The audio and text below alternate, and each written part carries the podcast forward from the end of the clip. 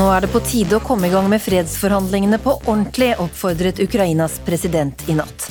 Det er vanskelig å forhandle når blodet flyter, sier Jan Egeland, som tidligere har meglet med russerne. Chelsea-fans over hele verden frykter for klubbens framtid etter alle sanksjonene mot eier og Putin-kompis Roman Abramovic. Tidligere Chelsea-keeper Frode Grodås har fungert som en slags sjelesørger for norske supportere den siste tida. Og tegneserieskaper Lise Myhre føler seg sensurert etter at svenske aviser droppet Nemi etter ei stripe om ulv. Det er ikke et heldig signal at man må sitte stille i båten og bare play nice for å få lov til å bli publisert. Jeg heter Linn Beate Gabrielsen og skal lede deg gjennom disse to neste timene med Ukeslutt. Og hva er vel ikke bedre enn å starte med Beyoncé og låta Halo.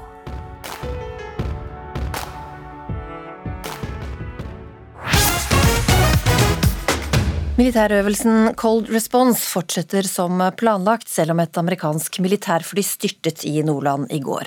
Alle de fire om bord er bekrefta omkommet. Og reporter Petter Strøm, du kommer rett fra Beieren nå, og hva er det siste vi vet om eh, flystyrten?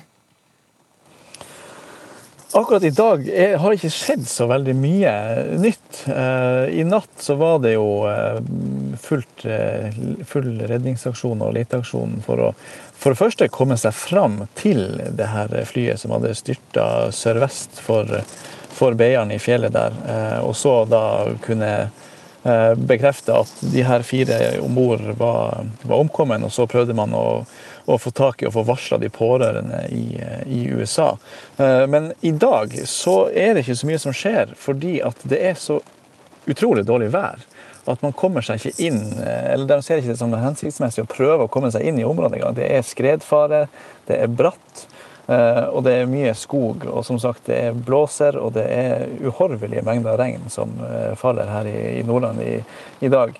Så man går egentlig bare og venter på nå at Havarikommisjonen og Kripos skal komme til Bodø og begynne sine undersøkelser på, for å se om man klarer å finne ut hva er det som har skjedd her. Takk skal du ha, Petter Strøm. Og Joakim Reigstad, journalist her i NRK. Det er et ganske spesielt fly, eh, som har både vinger og bevegelige propeller. Hva, hva vet du om dette flyet? Det er et uh, kjemperart fly å se på. Det er uh, et fly som vi ikke har i uh, Norge, eller det norske forsvaret har det ikke, men amerikanerne bruker det mye. Det er innrettet slik at man kan f.eks. lande på fartøy, altså på båter f.eks., eller i terrenget, når man da bruker helikopterdelen av flyet. Men så kan man da tippe tippe eh, rotorene over, og så fly som et helt vanlig fly i luften. Eh, det er en avansert teknologi som brukes eh, primært for å f.eks.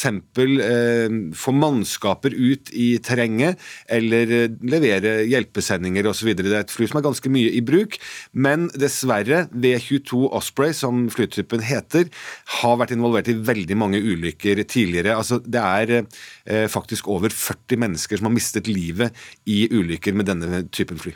Ja. Eh, når er det dette har eh, Når har det vært ulykker?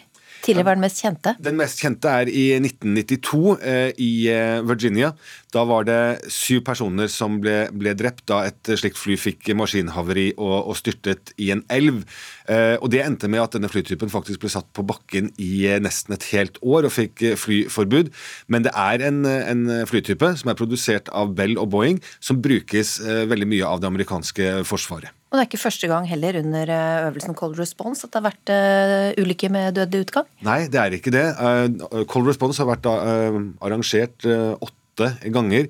Allerede første gangen i 2006 så var det to soldater som døde da en, et pansret kjøretøy, eller det var vel en stridsvogn, gikk gjennom isen. I 2016 så var det en sivilist som døde da bilen vedkommende satt i, ble truffet av et militært kjøretøy. Eh, og så er det selvfølgelig eh, Hercules-ulykken på Kebnekaise i Sverige, hvor fem eh, offiserer i det norske luftforsvaret mistet livet da flyet styrtet rett inn i fjellmassivet rett over grensen fra Norge. Er det noen likhetstrekk her? Det er litt vanskelig å si. Eh, været kan være et likhetstrekk. Det var ganske dårlig vær i området i Kebnekaise også den gangen. Jeg var der selv i 2012, og det var et, eh, en fryktelig snøstorm, veldig lite sikt. Men eh, av andre årsaker så vet vi jo at dette var en eh, Dette har man jo funnet ut i ettertid, at eh, flyet var innstilt på å drive taktisk flygning, eh, noe det ikke skulle ha vært. Den innstillingen skulle ikke vært brukt nord for 60. breddegrad. Dette visste ikke Luftforsvaret og offiserene om. Det visste heller ikke tårnet i Kiruna, som det var på vei til, at det var slik innstilt, og ga de helt feil, eh, helt feil meldinger. Og i tillegg fikk de feil kart da de skulle manøvrere i området. Dette er jo ting som man nå har fått en bedre rutine på etter Hercules-ulykken, så det vil jo være litt overraskende hvis noe av dette skal være årsaken denne gangen. Og så skjer jo dette under en eh, Nato-øvelse samtidig som Europa er i en veldig spent og kritisk eh, situasjon, og hvordan påvirker det? Situasjonen. Det er klart at Dette er en alvorlig ulykke uansett hva som skjer på andre siden av grensen for Russland. Men vi vet jo at russisk militære eh, er ivrige etter å markere at de er til stede og følger med på Nato-øvelser på andre siden av grensen tidligere. Det har vært eksempler på jamming, f.eks. Dvs. Si at man eh, med radiosignaler forstyrrer GPS-signaler på andre siden. Det har man muligheter til. Man har hatt nærflygning f.eks. For, for å provosere. Eh, det er klart at eh, dette er ikke noe som man tror i det hele tatt på nåværende tidspunkt kan være en årsak, men det er klart tankene går jo dit ganske fort at det har skjedd tidligere, og slik GPS jamming, som det heter, er også mulig, eh, et mulig utfall av det, hvis dette gjøres, kan være at man mister da eh, signalet, altså GPS-signalet, vet ikke hvor man er i terrenget. Du, takk skal du ha, reporter Joakim Reigstad. Du følger med på den saken utover eh, dagen i dag. I natt kom Ukrainas president Zelenskyj med en klar beskjed til Russlands president Putin. Я хочу, щоб мене зараз почули всі, почули особливо в Москві. Настав час зустрічатись, час говорити. Det er på tide at fredssamtalene mellom Russland og Ukraina starter for alvor, sa Zelenskyj i en videotale. Alle håper jo på fred, men er forhandlingene reelle, eller bare en måte å kjøpe seg tid på, som statsminister Jonas Gahr Støre uttrykte det på fredag? Jan Egeland, generalsekretær i Flyktninghjelpen. Du har vært eh, fredsmegler i flere fredsprosesser, bl.a. for Oslo-avtalen i Midtøsten og i Colombia. Hvordan tror du det er å være i det forhandlingsrommet mellom Russland og Ukraina nå? Jeg tror det er eh, med et meget stort alvor at partene setter seg til bordet. Eh, de føler tyngden på sine skuldre av, av, av de to nasjonenes skjebne her. Ikke minst ukrainerne vet jo at, eh, at eh, sivilbefolkningen blør og dør, og at det haster med å få til eh, en avtale. For dem er jo helt opplagt å få en, en våpenhvile det viktige. Og det vil vi som altså hjelpearbeidere være enig i. Primært nå så må det diskuteres en våpenhvile, og så må man komme til det det nivået hvor russerne vil ønske å operere på, nemlig en diskusjon om de forutgående stridstemaene. Hvordan merker man om partene faktisk ønsker fred, eller om man bare er der for å kjøpe seg litt tid? Ja, Det merker man eh, nokså fort, er min erfaring med, med alle de ulike forhandlingsrommene jeg har vært i. Eh, veldig ofte så vil de jo ikke snakke sammen overhodet. Det tar lang tid med såkalte talks about talks, altså forhandlinger om hvordan forhandle, hvem som skal forhandle, på hvilket sted osv. Så, videre. så det er positivt at de snakker, at de snakker ansikt til ansikt. Det er lettere når det er to landsdelegasjoner, altså eh, regjeringsdelegasjoner som møtes, enn hvis det er en geriljabevegelse som møter en regjeringsdelegasjon. For eksempel. det betyr at de, de er i stand til å formulere sine krav, eh, sine posisjoner. Samtidig er det òg veldig viktig å være klar over at er, De har bare fullmakter til å gå så langt. De, disse mennene, det er nesten bare menn dessverre, har ikke mulighet til å, til, til å bli enige over bordet, med mindre den ene siden får alle sine posisjoner eh, akseptert av den andre part. Og så har vel ikke selve de to presidentene begynt å, å, å, snakke sammen og forhandle direkte, men vi snakker her om en eh, komiker som er blitt president og som blir i landet og kjemper med folket sitt, versus en president som sitter i palasset og holder lang avstand til både folk og andre statsledere. Hvordan får man eh, to så forskjellige typer til å snakke sammen? Ja, nå vil jo gjenstå å se om det faktisk blir et toppmøte de seg imellom. Jeg, jeg, vil tro at det først må være en våpenhvile. Det, det, det, er vanskelig å forhandle mens blodet flyter, mens kvinner og barn eh, blir bombet eh, sønder og sammen. Altså, begge sider må føle, og det tror jeg de føler nå, at Eh, slik det, slik det, går nå, kan det ikke fortsette. Eh, det, det er, eh, Ukraina ødelegges samtidig som Russland også ødelegger for seg selv ved å fortsette slik det er. Det, det, hetes, det heter i forhandlingsspråket ofte at du får en mutually hurting stalemate. Altså, man, man har en, en, en omforent forståelse av at det går ille. Hvis den ene siden føler at den vinner, da er det ofte at eh, man, den siden møtes med forhandlingsbordet for å gi et skinn av at man vil ha en avtale. Eh, her kan det vel da se ut som begge forstår at det er galskap å fortsette, at også russerne for, forstår det. Eh, jeg har forhandlet også med russiske militær og diplomater i Genéve om humanitær hjelp i Syria, herunder til beleirede byer der. Og, og da fikk vi jo til eh, veldig mange konvoier inn og ut. Eh, vi fikk evakueringsavtaler osv. Men, men det, var, det, er, det, er, veldig begrensede avtaler. Eh, det, det, såret kan kun gro dersom det blir enighet om de underliggende spørsmålene. Maktfordeling, grenser, minoritetsvern osv. Ja, har du troa på at dette skal føre frem? Altså jeg har et stort håp på vegne av de ukrainerne vi hjelper inne i Ukraina og i nabolandene, at det blir en slutt på eh, bombingen. At det, det blir en våpenhvile. Eh, og Det er det første skrittet. Det er det aller viktigste nå. Og Så får man begynne å diskutere Donetsk og Luhansk og Krimhalvøya og alliansetilknytningen og alle disse temaene etter hvert. Eh, for å sitere noen av de forfrosne pensjonistene som jeg møtte langs den forrige stridslinjen. Når, de, når jeg spurte dem om disse tingene, sa de det er veldig fjern for oss. Vi er faktisk interessert i å ikke fryse i hjel eh, denne vinteren. Og, og, og, det tror jeg ville være klokt eh, for, for Putin og de andre mennene som sitter i trygge kontorer, å være klar over de har påført sivilbefolkningen enorme lidelser eh, for, for, å, for, å, møte mål som ligger eh, langt fra de, de daglige realitetene til mennesker i felten. Takk skal du ha, Jan Egeland. Denne uka har vi hørt at eh, russiske barn i Norge blir hetsa, og mange kommuner fryser nå samarbeidet med sine russiske vennskapsbyer. Samtidig trua Putin russere som tar Vestens parti, og sa at han vil rense Russland for forrædere og avskum. Så hvordan er det å være russer i Norge nå? Nikolai Korostel, du jobber og bor i Kirkenes med kone og barn. Og det er jo en by som er prega av et godt samarbeid mellom nordmenn og russere. 10% av befolkninga er russere, og på skiltene i byen så er det kyrilliske bokstaver. Hvor lett er det å snakke fritt i Norge nå for russere? Uh, det, det, er vanskelig å si nå. Så mm, jeg har også tenkt at uh, at uh, han var i tvil å gi det, uh, denne intervjuet eller ikke. Men jeg syns at det er viktig at mine venner hører meg, og jeg, jeg, jeg, syns mine eksempel er viktig for dem.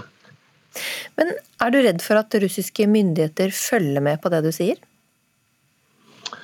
Ja, på noen måte kanskje, ja. Ja, Er det farlig å snakke fritt om om, om det som foregår i Ukraina? Hmm. Jeg vet ikke nå.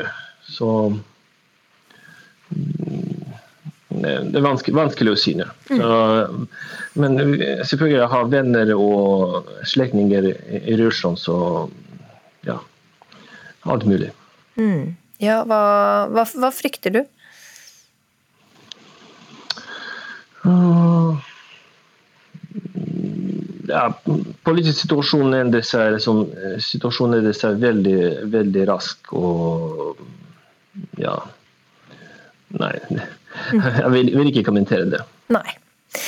Eh, I Russland eh, er det jo noen som eh, tør å si fra selv om de faktisk risikerer straff, og mange av oss har sett videoen av den russiske kvinnen som avbryter en direktesendt TV-sending med en plakat der det står 'Ingen krig'. Bare hør her. Союзного государства, а на совещании в правительстве обсуждали, как сохранить Kjersti Løken Stavrum, styreleder i Norske Penn, som er en ideell og uavhengig medlemsorganisasjon som jobber for nettopp ytringsfrihet. Kvinnen hun ble bøtelagt, men eh, tror du, eller du tror ikke straffen slutter der? Nei, det gjør jeg ikke. Jeg tror vi skal følge godt med på når den neste runden kommer, eh, som, eh, som da vil angå det hun faktisk gjorde. Og så så er det Nå var det jo et enormt eh, medieoppbud rundt det som skjedde, og veldig stor internasjonal oppmerksomhet, i hvert fall. Så, så, jeg tror nok eh, Man skal alltid passe på litt da når, eh, når, støvet legger seg og interessen faller litt. Da er det alltid litt fare for at man gjør det man gjerne skulle ha gjort i første omgang. Hvordan står det til med ytringsfriheten i Russland for tida? Det tror jeg kan svare veldig klart på at den er veldig dårlig. Jeg tror den er så dårlig den aldri har vært uh, i moderne tid før. Mm. Hvordan er det mulig for den vanlige russeren i gata å si noe mot krigen? Jeg tror vi må forstå at det er veldig komplisert. Jeg tror alle som hørte det intervjuet og lyttet godt etter i det intervjuet vi nettopp hørte, forstår kompleksiteten i det å å sette ord på det man eventuelt tenker, eller det man måtte lure på akkurat nå. Nå har de jo vedtatt disse hastelovene som, som sier at det er eh, forbudt å si noe ufordelaktig om militære styrker i Ukraina, og det kan eh, da straffes med 15 år i fengsel. Problemet med den loven er jo mange, men en av de er at det er helt umulig å si hva som faktisk ikke er lov.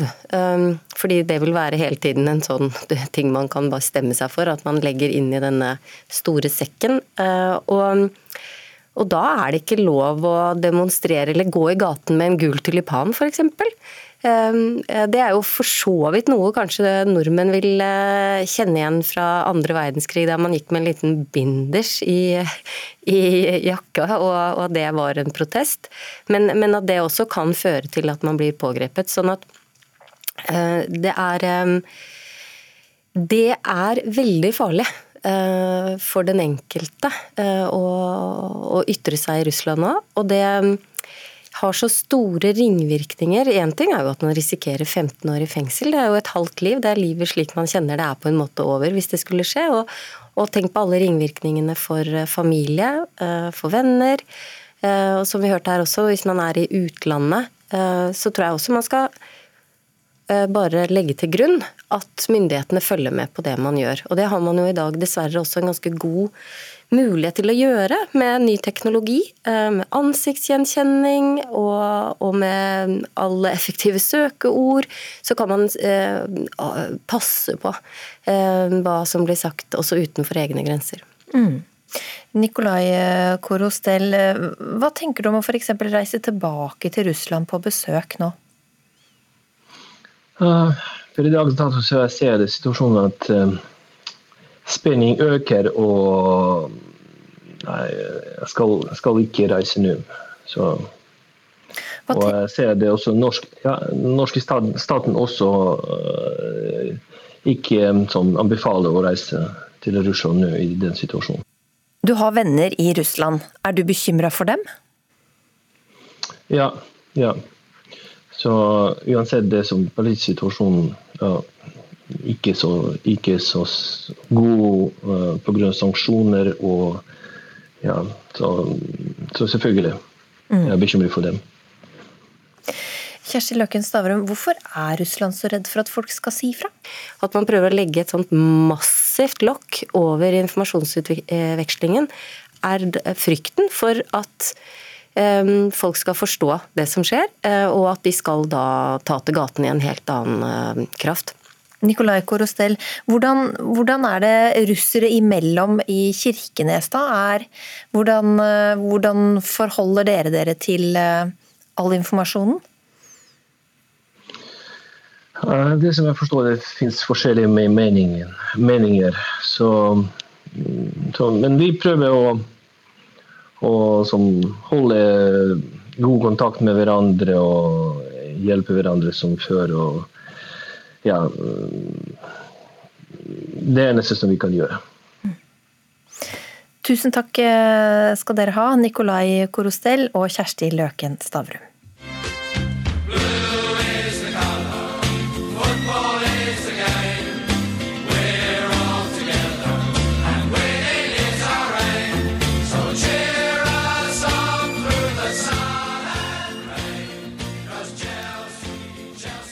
Fotballklubben Chelsea sliter pga. alle sanksjonene mot den tidligere eieren Roman Abramovic.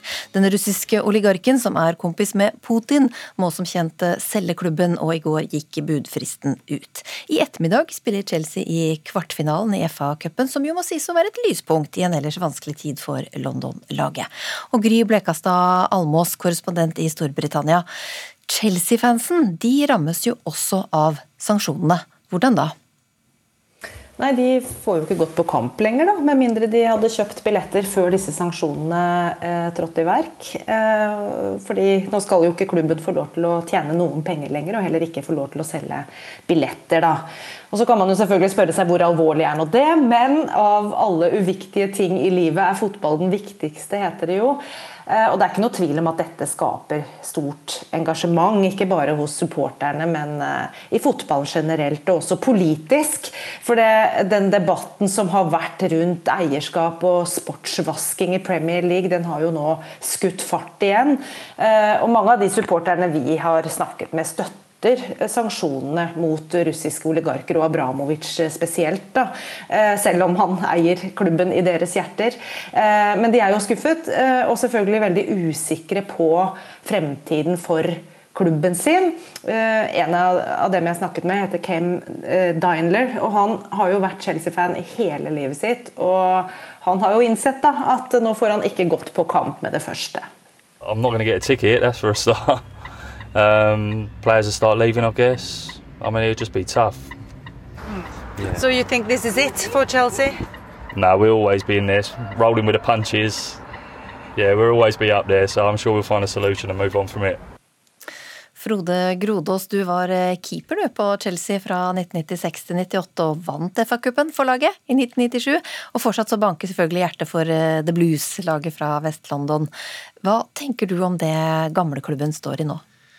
Nei, Det er jo litt sånn uh, dramatisk. Det er mye usikkerhet for, for mange. Men, men, jeg tror Chelsea er en sånn, det er en sånn stor institusjon worldwide, og det betyr så mye for mange.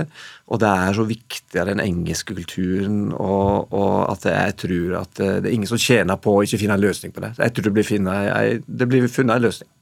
Og de siste ukene så tar norske Chelsea-fans kontakt med deg på mail og SMS, eh, forstår jeg. Hva er det de spør om? Ja, nei, Jeg har fått, fått både mail og meldinger hvor jeg ramsa opp hva som skjer, og, og, og eh, restriksjoner som blir lagt inn eh, for, for, for Chelsea nå. Og, og, De er jo bekymra, de er usikre. De er redd for klubben skal forsvinne, og de er redd for at de skal oppleve store dager med, med Chelsea ennå. Så, så det, det, er en reell usikkerhet ute der. Gry Blekastad Almås, 20 kjøpere har jo meldt seg på i kampen om å kjøpe klubben. Men det er ikke så lett å få kjøpt klubben. Hvorfor ikke? Nei, altså det er jo Det er jo fordi Grieg Abramovic er jo da under sanksjoner, som betyr at han ikke får henta ut noen av de verdiene han har i, i, Storbritannia. ikke sant? Og da har han heller ikke lov til å, å selge Chelsea.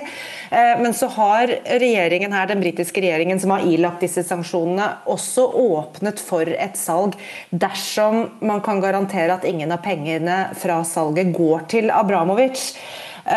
Så det blir jo i så fall et salg oversett og godkjent av den britiske regjeringen. Og det er jo tro på at det blir et salg innen sesongen er over. Og som du nevnte så gikk fristen for å melde interesse for å kjøpe klubben ut i går kveld. Og blant de som nå byr på Chelsea, så er det flere grupper av investorer som har gått sammen for å ha nok penger for å, by på denne klubben. De er fra USA, de er fra Sveits, fra Saudi-Arabia, fra Sør-Korea, og det er også briter blant dem. Det er en lang liste som i løpet av denne helgen skal bli til fire finalister. og Så får vi jo se da eh, hva slags eh, si, penger de legger på bordet. Jeg regner med at det vil bli nøye gjennomgått hvor disse pengene kommer fra, eh, og, diskutert hva slags eiere klubben skal få lov til å ha framover. Frode Grodås, eh, laget har jo nytt godt av Abramovics bidrag fram til nå, men var det verdt det når det har kommet til den situasjonen vi er nå? Ja, Det er jo vanskelig å si, da. Han har jo vært omdiskutert egentlig fra, fra dag én. Men, men, det han skal ha, det er jo at han har, har bringt pokaler til, til, klubben. Det er mange klubber som, som har det har blitt putta inn mye penger i, og hvor det ikke har funka. Så han har nok i tillegg vært flink Eh, å bygge en, en, en, en fotballedelse i en klubb, da, som, som, mange andre lag har slitt med. Og Så får vi se da, hva, om det kommer inn en ny, hvem som kommer inn nå, hva de gjør. Vil jeg ha inn en total ny eh, struktur med nye folk og, og gjøre helt om? Eh, som kan kanskje være farlig. Men, eh, men, eh, nei, det skal bli spennende. Hva tenker du om hvordan klubben skal klare å holde seg flytende framover? Eh, nei, har vi skjønt at det, en del av bl.a. medieinntektene og sånn vil, vil, jo fortsette. og Det er jo den viktigste inntektskilden å ha. Om du ikke får solgt noe drakt og noe skjerf, eh, det kan jo klubben leve med. Eh, jeg tror når det gjelder denne generasjonen spillere som er, som er inne nå, så var nok ikke, er nok ikke de så knytt, tett knytta til Abramovic som, som, den med Lampard og Drogba og den, den forrige generasjons spillere. Og så er nok det sånn at eh, sånn som verden har blitt og fotballen har blitt, at den eh, at mange av spillerne, de fleste av spillerne er liksom seg sjøl nærmest. og Dette er jo topp verdensklassespillere som uansett kommer til å finne seg en ny klubb. Så jeg tror ikke at spillerne er så veldig eh, veldig, sånn bekymra. Og det ser vi òg på resultatet. Gry Blekastad Almås, hvem tenker du rammes hardest her? Laget eller fansen? Mhm. Nei, Laget rammes jo i den forstand at det skal uh, veldig mye til å finne en eier som er villig til å spytte like mye penger inn i klubben som Abramovic har gjort. da. Han har jo tapt enorme summer hver eneste uke han har eid Chelsea, uh, og den har han eid i 19 år. Uh, så da spørs det om det må håper si, nye vaner til da, som kan få konsekvenser for oppkjøp av spillere og, og, og den typen ting. og så kan jo det kanskje ramme fansen igjen i den forstand at man muligens da, ikke presterer like godt når man ikke kan kjøpe like dyre spillere, det vet jeg ikke. Men, men eh, kanskje må fansen tåle flere nederlag. Eh, men igjen, jeg vet ikke. Altså, da er det kanskje også en anledning til å skille ut de som først og fremst er medgangssupportere, og de som på en måte er ekte Chelsea-supportere og som står i det uansett. Frode Grodås, hvordan tror du spillerne har det nå timer før eh, matchstart? Nå tror jeg faktisk at de ikke tenker så veldig mye på krisa. Nå gleder de seg til, eh, til en, en storkamp. Eh, kvartfinale i FA-cupen er en, en, stor kamp. Eh, og det ligger mye i potten. Og, og, så, så, nå tror jeg det er fokus på kamp, og, så, og, og bare det. Og Kampen den går i kveld klokka kvart over eh, seks, har jeg forstått. Takk til Frode Grodås og Gry Blekastad Almås. Vi rakk ikke mer enn å nesten kvitte oss helt med koronarestriksjonene før krigen i Ukraina kom og tok alt fokus. Glemt var smittetoppen som ennå ikke var nådd, borte var de daglige smittetallene på nettavisene. Og i dag så lurer vi på hvordan du forholder deg til pandemien nå. Er den glemt, eller er det kanskje først nå du har blitt eh, smitta? Gå inn i radioappen og stem i vei, så skal vi høre med en eh, hjerneforsker litt seinere i sendinga hva som skjer med hodene våre når vi går fra én en krise til en annen. Er du en av dem som forta deg til apoteket for å få kjøpt inn Jodix-tabletter i tilfelle atomulykke, eller hamstra du inn lapskaus på boks selv om du hater lapskaus bare for å lagre den i kjelleren? Da er du i så fall ikke aleine, for eh, dommedagspreppinga den er ikke lenger bare for de spesielt interesserte. Jeg våknet opp til en melding fra mamma. 'Hei, har du lest nyhetene? Har du kjøpt Jodix?' Og da var jeg sånn hm, eh, Nei, det har jeg jo ikke. Dette var en ny hverdag, på en måte. I kottet innerst i leiligheten drar Jonas fram en diger matvarepose. Det er jo den posen, da. Med Realtuna. Så da har vi ti pakker med den. Ti pakker med den. Og så Ti pakker med tørka kjøtt og pulver som skal blandes med vann. Mat de vanligvis ikke ville hatt i den lille leiligheten på Torshov. For sammen handler de inn alt de trenger til et beredskapslager. Akkurat nå er DAB-radio neste på lista. Og så kanskje Max Yatzy. For det er jo noen åpenbare mangler på den lista. Det er jo en god bok, Max Yatzy, Mm, gitar. eh, gitar, ikke minst. Og den følelsen av å våkne til en ny hverdag var ikke Jonas den eneste som fikk. Russlands invasjon av Ukraina utløste den verste konflikten i Europa på flere tiår. Ja, det begynte altså å brenne rett ved Europas største atomkraftverk i natt etter at russiske styrker angrep. Krigen i Ukraina har gjort det aktuelt for oss å tenke over hva som kan skje dersom det skjer en ulykke ved et av atomkraftverkene. Og akkurat som Jonas og Vilde har flere begynt å forberede seg på det verste. I starten av krigen gikk apotekene tom for Jodix-tabletter. Jeg vil vel tippe at vi har eh, langt over 100 telefoner om dagen, og annenhver kunde spør om, eh, om jodtabletter. Matbutikkene opplever økt salg av tørrvarer og hermetikk. Også på Biltema finner man tomme hyller der hvor vanntankene Her er eh, rester fra siste vanntank. og stormkjøkkenet skulle vært. Kun et stormkjøkken igjen. Og der hvor de fleste av oss forbereder oss på de store katastrofene for første gang, har Anne Linn Kumano Ensby holdt på i mange år. Hun har til og med et eget frølager. Jeg, jeg, jeg har for stort lager. Får ikke plass i lageret mitt. Får ikke plass i frølageret mitt. I skapet står en hel matboks full av små og store frø. Det vokser som ugress. Slik som disse små brune bønnene. Prydbønner, som Anne Linn har dyrka sjæl. Fordi at eh, Ukraina og eh, Russland er utrolig viktige for verdens matvaresikkerhet. Sånn at hvis den krigen ikke løser seg før kornet skal i bakken, så er det det er ganske mye mat vi kommer til å mangle i år. Eh, Du kan også dyrke popkorn, har vi prøvd. Og det funker? Ja, ja, ja. Vi, har- vi har fått mais eh, på, ut, eh, på gresset utafor bygården. Annelin har sammen med ektemannen Andreas Kumano Ensby skrevet boka Postapokalypse nå, en håndbok i overlevelse, som handler om akkurat det. Hvordan overleve en katastrofe. Det begynte med en eh, hva skal jeg si, erkjennelse av at eh, hvis hele verden går under, og jeg står aleine igjen, eneste overlevende, så bør jeg jo gi eh, dette overlevelsesgreiene en sjanse. Liksom litt på vegne av menneskeheten. Selv om par har litt bedre oversikt over krisene som kan inntreffe, og hva man burde gjøre, vil de ikke kalle seg dommedagspreppere. Vi er, vi, er jo, vi er jo faktisk ikke redde for at verden skal gå under. Eh, Vi er bare forberedt på i tilfelle det skulle skje. Så det er kanskje en for, forskjell der. Jeg, jeg, føler, jo at eh, det å ha denne kunnskapen gjør at jeg er trygg. Så at jeg har ikke vært bekymra Eller når jeg, jeg merka at folk rundt meg har blitt veldig redde. Og så har ikke jeg blitt redd, fordi jeg vet hva jeg skal gjøre. Jeg, vet, jeg har tenkt gjennom disse tingene fra før av. Så hvis det, hvis det ikke går an å kjøpe mat på butikken, så vet jeg hvor jeg finner mat i naturen. Eh, hvis, eh, hvis det ikke går an å få vann i springen, så vet jeg hva jeg skal gjøre. da. Jeg har tenkt gjennom alle de tingene, og det gjør at jeg ikke blir redd. De forstår ikke hvorfor folk hamstrer inn vanndunker og annet fancy utstyr. Når det meste av det du trenger, har du allerede. Slik som vannlageret deres, bestående av gamle, tomme halvlitersflasker med brus. Men det, det funker jo helt. Altså å bare bruke en uh, helt vanlig tomflaske. Og så fylle, fylle, den, eh, fylle den med vann og legge den under senga f.eks. Så har du jo vannlageret ditt. Det er ikke verre enn det.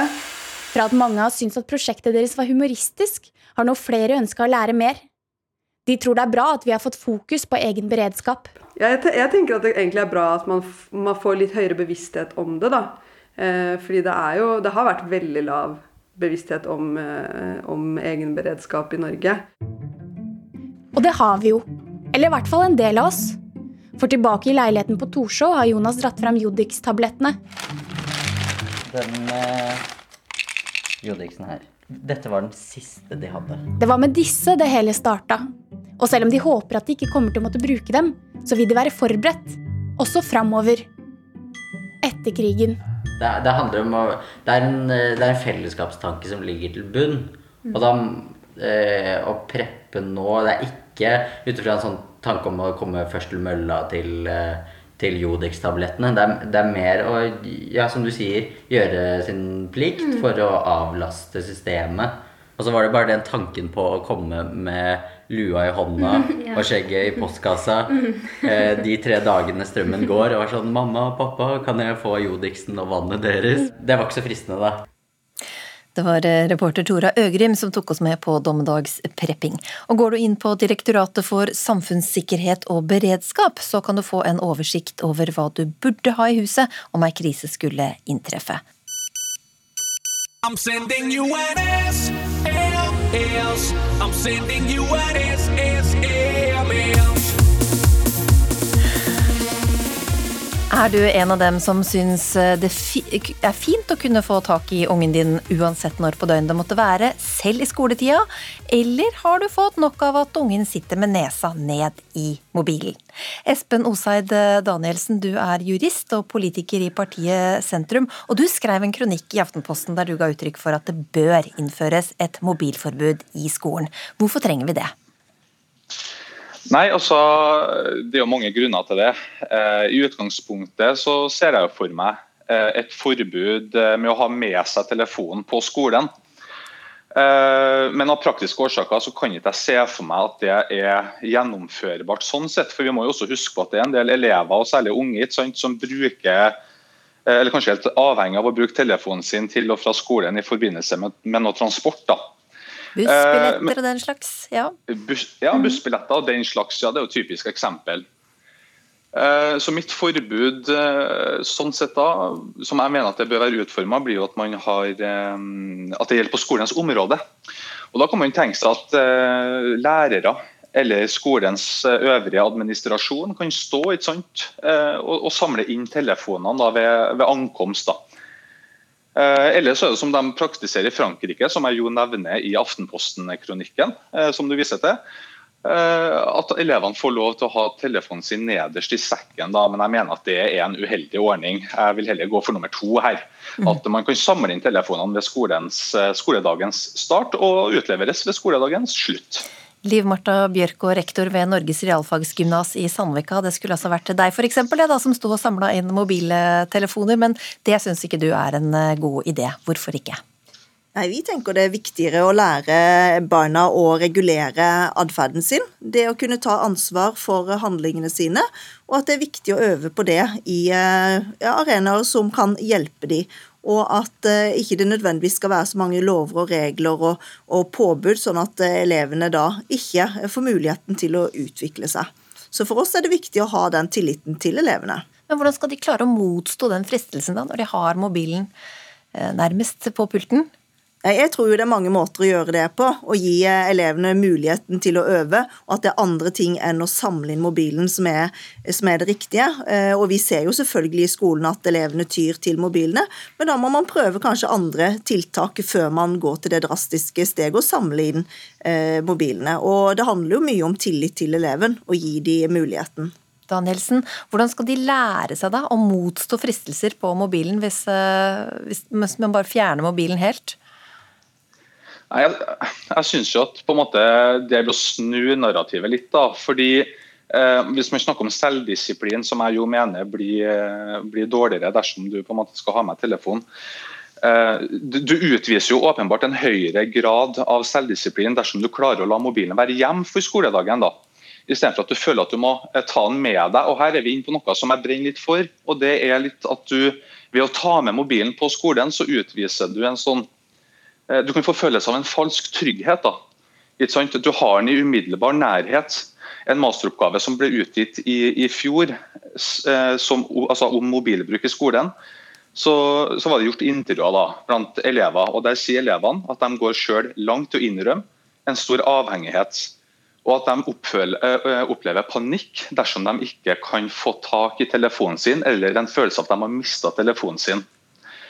Og Forskning viser at det er ekstremt mange barn og unge som sover med sin smarttelefon under puta og i senga for øvrig. Og jeg mener jo at den Avhengigheten her av å ha, ha mobilen sin i en umiddelbar nærhet, en form for narkomani. Og vi voksne, hvis vi skal avhjelpe den avhengigheten her, så syns jeg ikke at det er en god ordning. altså. At de skal få lov til å ha mobiltelefonen sin så i en, altså i en sånn umiddelbar nærhet på Mm. skolen. Vi må, vi må skille mellom skole og fritid. Bjørkår, er er ikke skolen en mulighet at barna kan få fri fra mobil? Nei, egentlig ikke. De må lære seg å regulere atferden sin og bruke den til et fornuftig verktøy. Så jeg tenker det at du tar den fra dem, selvfølgelig eh, vil det i de timene de er på skolen, gi de da eh, et pusterom fra den mobilen, eller, eller hva du kaller det. Men den avhengigheten vil jo være der, sånn som vi ser det. Og jeg tenker at eh, ved å ha skole mobilfri, så vil det kanskje da utarte seg annerledes på fritid. Så for, for meg er det viktig at ungdommen og barna lærer å regulere atferden, sånn at de vet hva som er rett og gal atferd, enten det er fritid, skole eller når som helst, og at de også tar dette med seg inn i, i voksenlivet når de skal begynne å studere. Da er det ingen som står og samler inn mobilen eh, ved døra når de kommer. Danielsen, du sammenligner dette her med røykeloven. Hvordan da?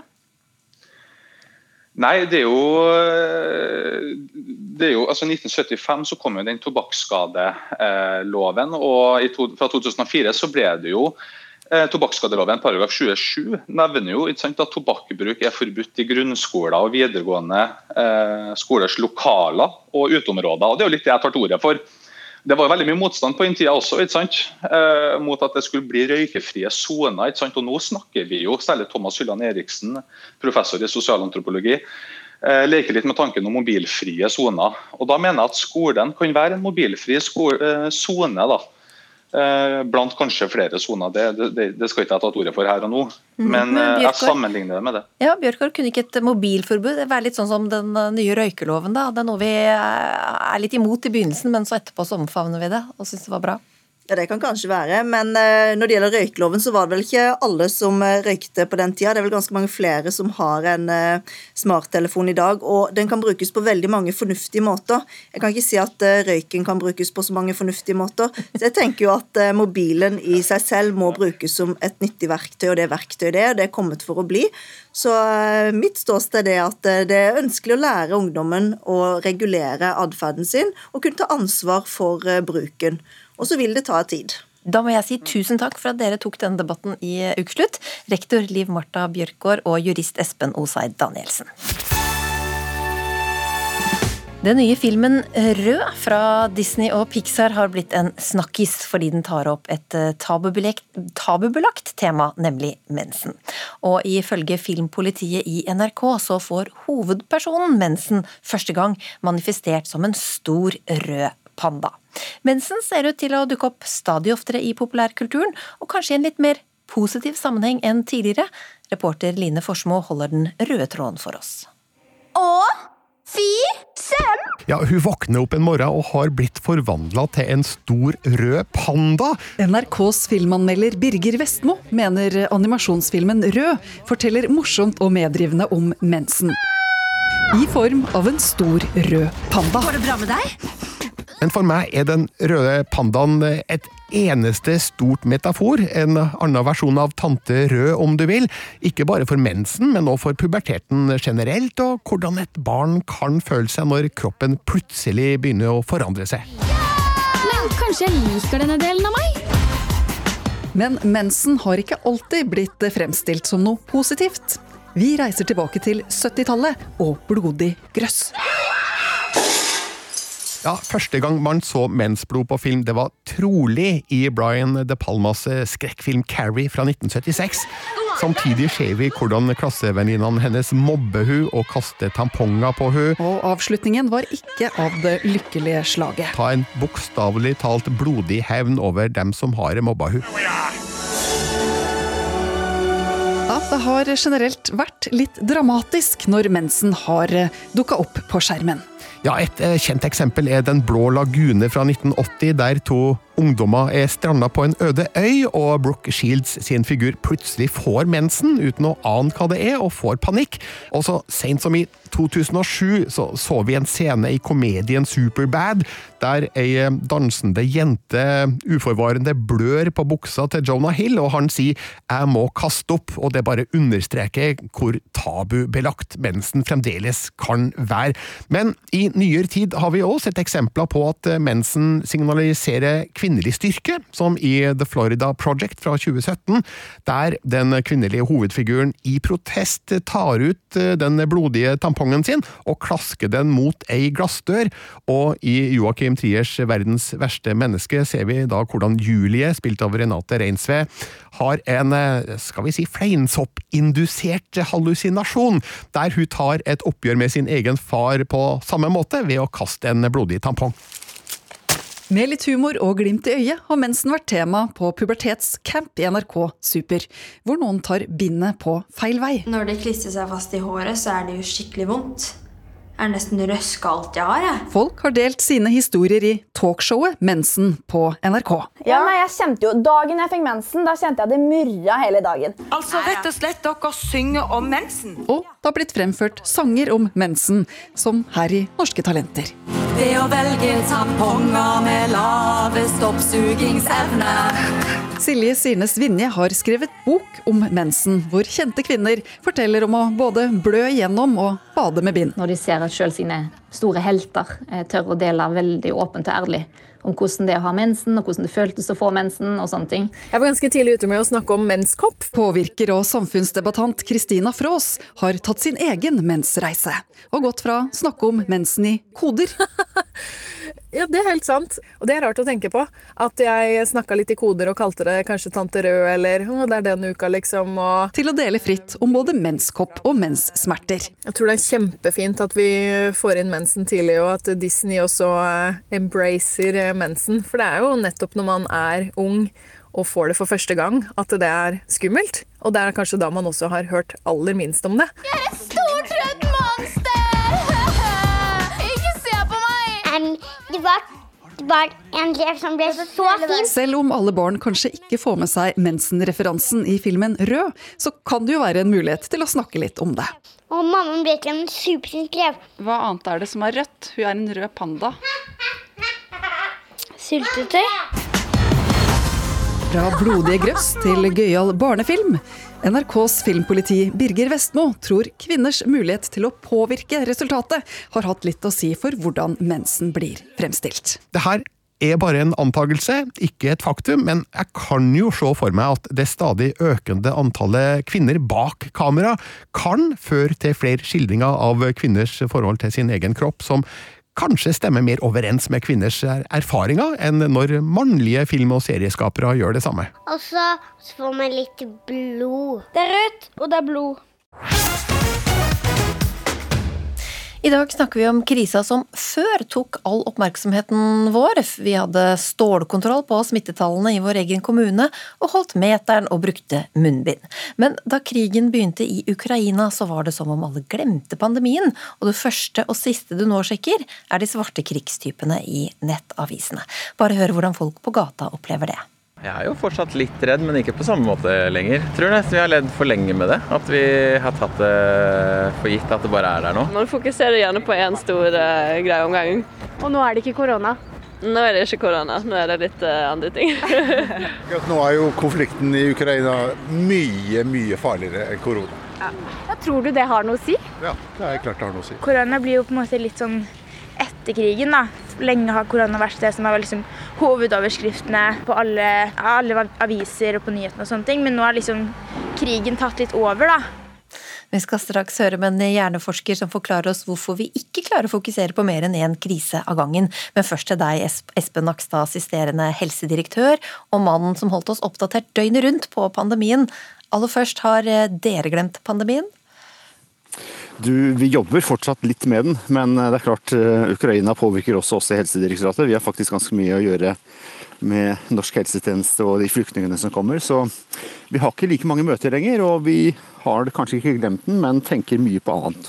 Hvordan vil du beskrive pandemisituasjonen her nå, da? Nei, Det er jo en stor forskjell på situasjonen i Norge, som nå begynner å bedre seg. Smittetallene går ned og færre ligger på sykehus, mens ute i verden så har omikronbølgen skapt en god del problemer. Så det kommer litt an på om du har det norske perspektivet eller ser globalt, da. Mm. Hvordan er det å plutselig bli spurt om jodtabletter istedenfor smittetall? Nei, du, Det er jo for så vidt en avveksling, men det er jo også noe vi har et ansvar for. sånn at sånn sett så er ikke det så pussig. Men, men det er klart det er litt krevende nå å skulle både fortsatt jobbe med pandemi, selv om det er mindre jobb. Og fokusere på alle andre ting som dukker opp, sånn som jodtabletter f.eks. pga. disse kjernekraftverkene i Ukraina som jo er litt utsatt om dagen. Mm. Vi har spurt dere lyttere i radioappen om eh, hverdagen fortsatt preges av koronapandemien, og resultatet per nå viser at det er veldig likt mellom de som bare klarer å fokusere på én krise om gangen, og de som klarer å ha to tanker i hodet på én gang. Og resten sier de nettopp har fått korona. God bedring til dere. Og lege og hjerneforsker Ole Petter eh, Gjelle, hvorfor var det så mange av oss som eh, glemte pandemien så fort? Ja, altså Det er jo få ting som eh, kanskje er like effektivt å få oss til å glemme én eh, bekymring, som det å få en ny en, som kanskje er enda større. Og, og, Det handler jo om hvordan hjernen vår fungerer. Og mm, Vi må huske det at denne stressreaksjonen vi, eh, vi opplever da, når det er noe som er skummelt, potensielt skummelt rundt oss, det er et overlevelsesverktøy fra savannen.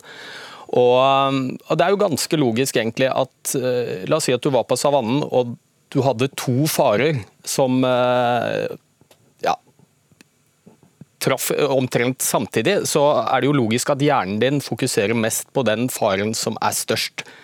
Og disse litt primitive delene av hjernen vår som uh, er aktive i, i, disse stressreaksjonene, og som er et overlevelsesverktøy de er ikke nevneverdig endret siden vi var jegere og samlere på savannen. Så når vi da opplever to ting som inntreffer ganske nært i tid, eh, og det ene oppfattes kanskje som mer truende enn det andre, så er det det hjernen vår vil, vil fokusere mest på. Men hvordan takler vi det, da? Å gå fra en krise til, eh, til en annen? Ja, Det er jo veldig tøft. Eh, Iallfall sånn i nyere tid. Jeg er jo litt over 50 år, og jeg kan jo ikke huske at eh, vi har vært gjennom noe lignende hvor det har vært to i alle fall potensielle globale kriser som har inntruffet med så eh, tett mellomrom, og i tillegg er veldig nært. Da. Covid har vi jo alle hatt et forhold til, og nå er det en, en krig som et av våre naboland er involvert i. Så um, nei, det er, det er tøft for vår mentale helse. Ja, hva, ja. Hva, hva, hva, gjør det med oss? Nei, altså klart Alle sånne bekymringer eh, når vi opplever noe som er potensielt truende, det, det, fører jo til en aktivering av dette stressystemet vårt, som i utgangspunktet er et overlevelsesverktøy som gjør oss i stand til å løpe vekk fra fiender og, og slåss. Og Det gir en rekke um, uheldige ja, konsekvenser, iallfall for helsa vår, både litt på kort og, og, lang sikt. På kort sikt er det jo mange som faktisk opplever litt fysisk ubehag. Det kan være hjertebank, uro. På lengre sikt så vet vi at hvis dette stressystemet blir mer eller mindre kronisk aktivert, som en jo kan skje når dette er det eneste som vi leser om i avisene, vi hører om det på TV hver dag, så, så er det ikke bra for helsa. Eh, øke blodtrykket, øke risiko for sykdom over tid, eh, kan påvirke immunsystemet vårt negativt, vanskelig med søvn osv. I de aller verste tilfellene. Nakstad, bekymrer det Helsedirektoratet at eh, vi nå går fra en krise til en annen? Hva gjør det med helsa vår? Eh, vi skulle jo gjerne sett at vi nå kunne få en normal hverdag hvor vi ikke hadde bekymringer. fordi vi har jo levd med det nå i snart to år, veldig mange. Samtidig så er jeg jo veldig glad for at i de to årene som har gått, så har det vært perioder hvor vi har kunnet leve mer normalt. Sommerhalvåret 2020 og 2021 hadde vi jo både lite tiltak og en veldig gunstig situasjon i pandemien i Norge. Så vi fikk noen pusterom underveis. Men jeg tror det er helt riktig at, eh, at eh, det er vanskelig for oss å fokusere på mer enn én ting som bekymrer oss om gangen. Og ser vi tilbake to år, så er det også en god del viktige ting som har skjedd i verden som ikke har fått fokus pga. pandemi. Så av den grunn også, så tenker jeg at eh, det hadde vært fint nå om vi ikke gikk rett fra én krise til en annen. Gjelle, eh, ja. Det, kom jo en ny og nedslående klimarapport nylig. Den ble knapt eh, nevnt. Hvorfor klarer vi ikke forholde oss til de alvorlige konsekvensene som klimakrisa fører til litt lenger fram i tid? Ja, jeg tenker Ut ifra hjernens ståsted, da, eh, som, så er jo denne klimakrisen Kall det litt tapt. Rett og slett fordi hjernen vår har litt problemer med å forholde seg til den. Og Jeg skal forklare hva jeg mener med det.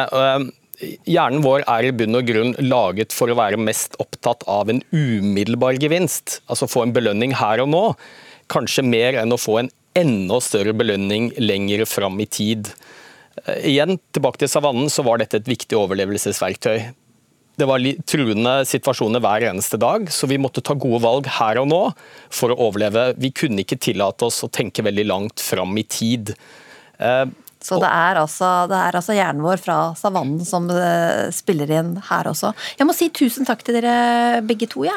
Ole Petter Gjelle og Espen Nakstad.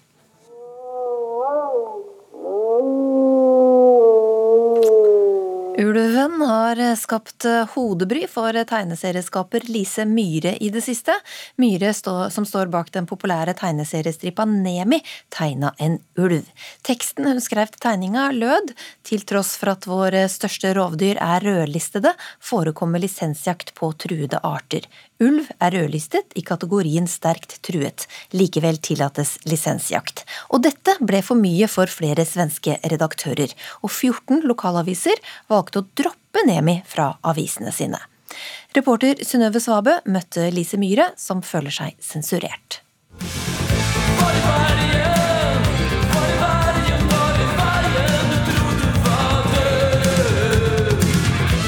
Denne ulvestripa jeg lagde, er jo en av seks striper som ble laget i forbindelse med oppdaterte tall fra Artsdatabanken. Hvor jeg tar for meg seks forskjellige dyr som nå er på rød liste. Um, der er det pinnsvin, og det er gråmåke, og det er villaks, og også denne ulven, da, som, uh, som faktisk er truet.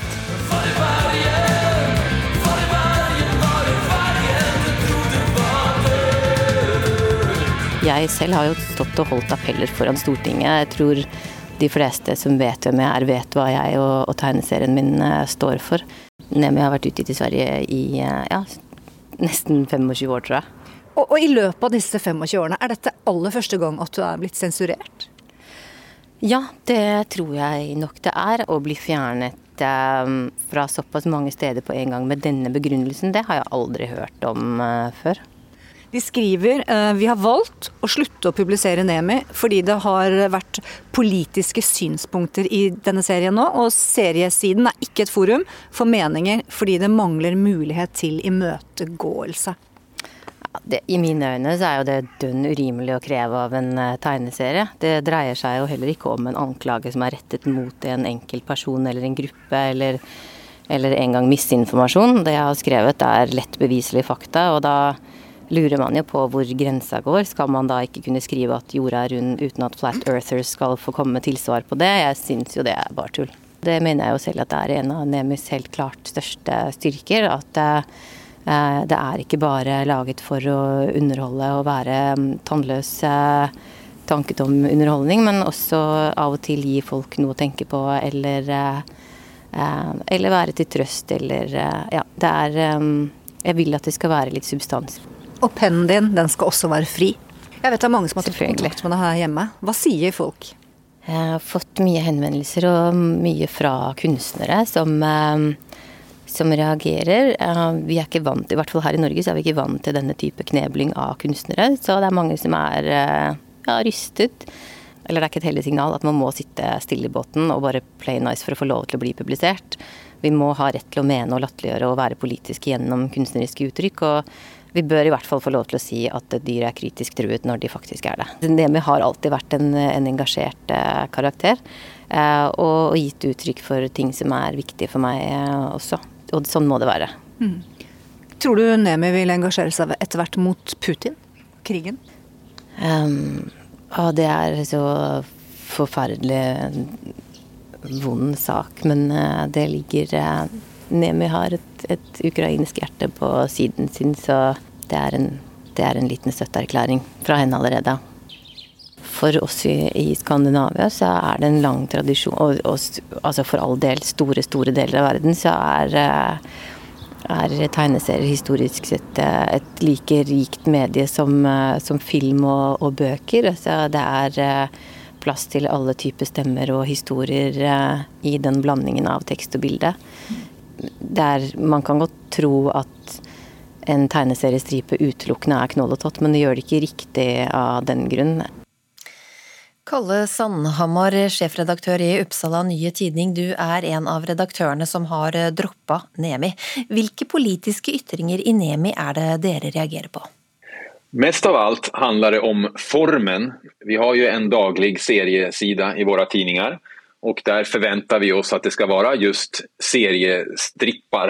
Eh, det vill säga underhållande eller komiska berättelser, gärna med eh, samtidskommentarer eller satir. I just den här var det ju bara en bild med en, som vi uppfattade då, politisk opinionsyttring. Nu råkar det vara i rovdjursfrågan, men det spelar kanske mindre roll. Det hade ju kunnat handla om eh, kriget i Ukraina eller om kärnkraft eller vad som helst. Eh, så vi opplevde ju att det inte var en, en seriestripp utan mer en, en opinionsbild. Och, och, vi publicerar gärna sådana i Uppsala Nya Tidning men för, på därför avsedd plats. Det vill säga på insändarsida eller debattsida eller så. Men på seriesidan så, så kändes det inte bra att det bara kom som en opinionsyttring som vi uppfattade det. Men var det ikke egentlig to faktasetninger hun kom med? Jag har sett att en del uppfattar det så, vi gjorde inte det.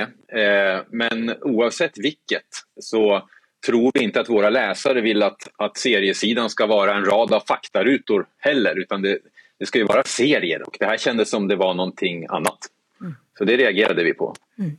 Vilka negativa reaktioner fick dere på denna, denna stripa? Eh, inga alls innan vi fattade beslutet. Utan det var i, i, den här utgivargruppen för de här tidningarna då som man reagerade och, och vi fattade det här beslutet i samråd. Det fanns inga reaktioner från läsarna eller påtryckningar som jag nåddes av. Det är möjligt att andra utgivare eh, hade det, men, men inte på Uppsala Nya Tidning.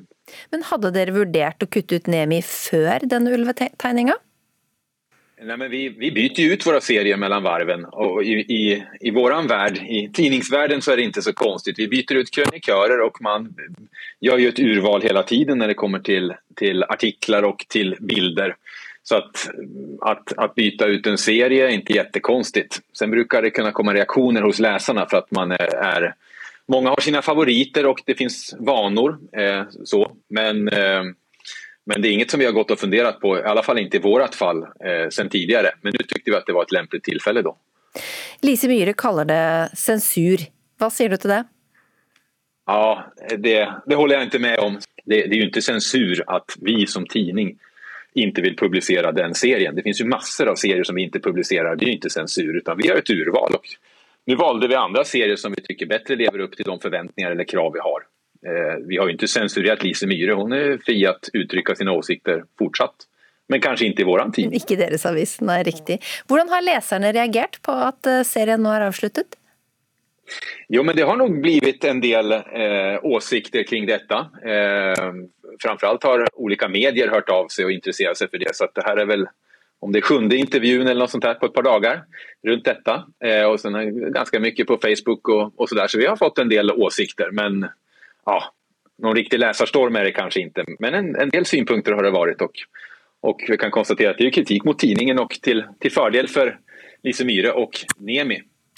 Takk skal du ha, sjefredaktør Kalle Sandhammer. Og da gjenstår det jo bare å si takk for at du hørte på Ukeslutt eh, denne lørdagen. Ansvarlig for eh, sendinga, det har vært eh, Magnus Bratten. Teknisk ansvarlig Helje Svensson, og her i studio så har du hørt meg, Linn Beate Gabrielsen.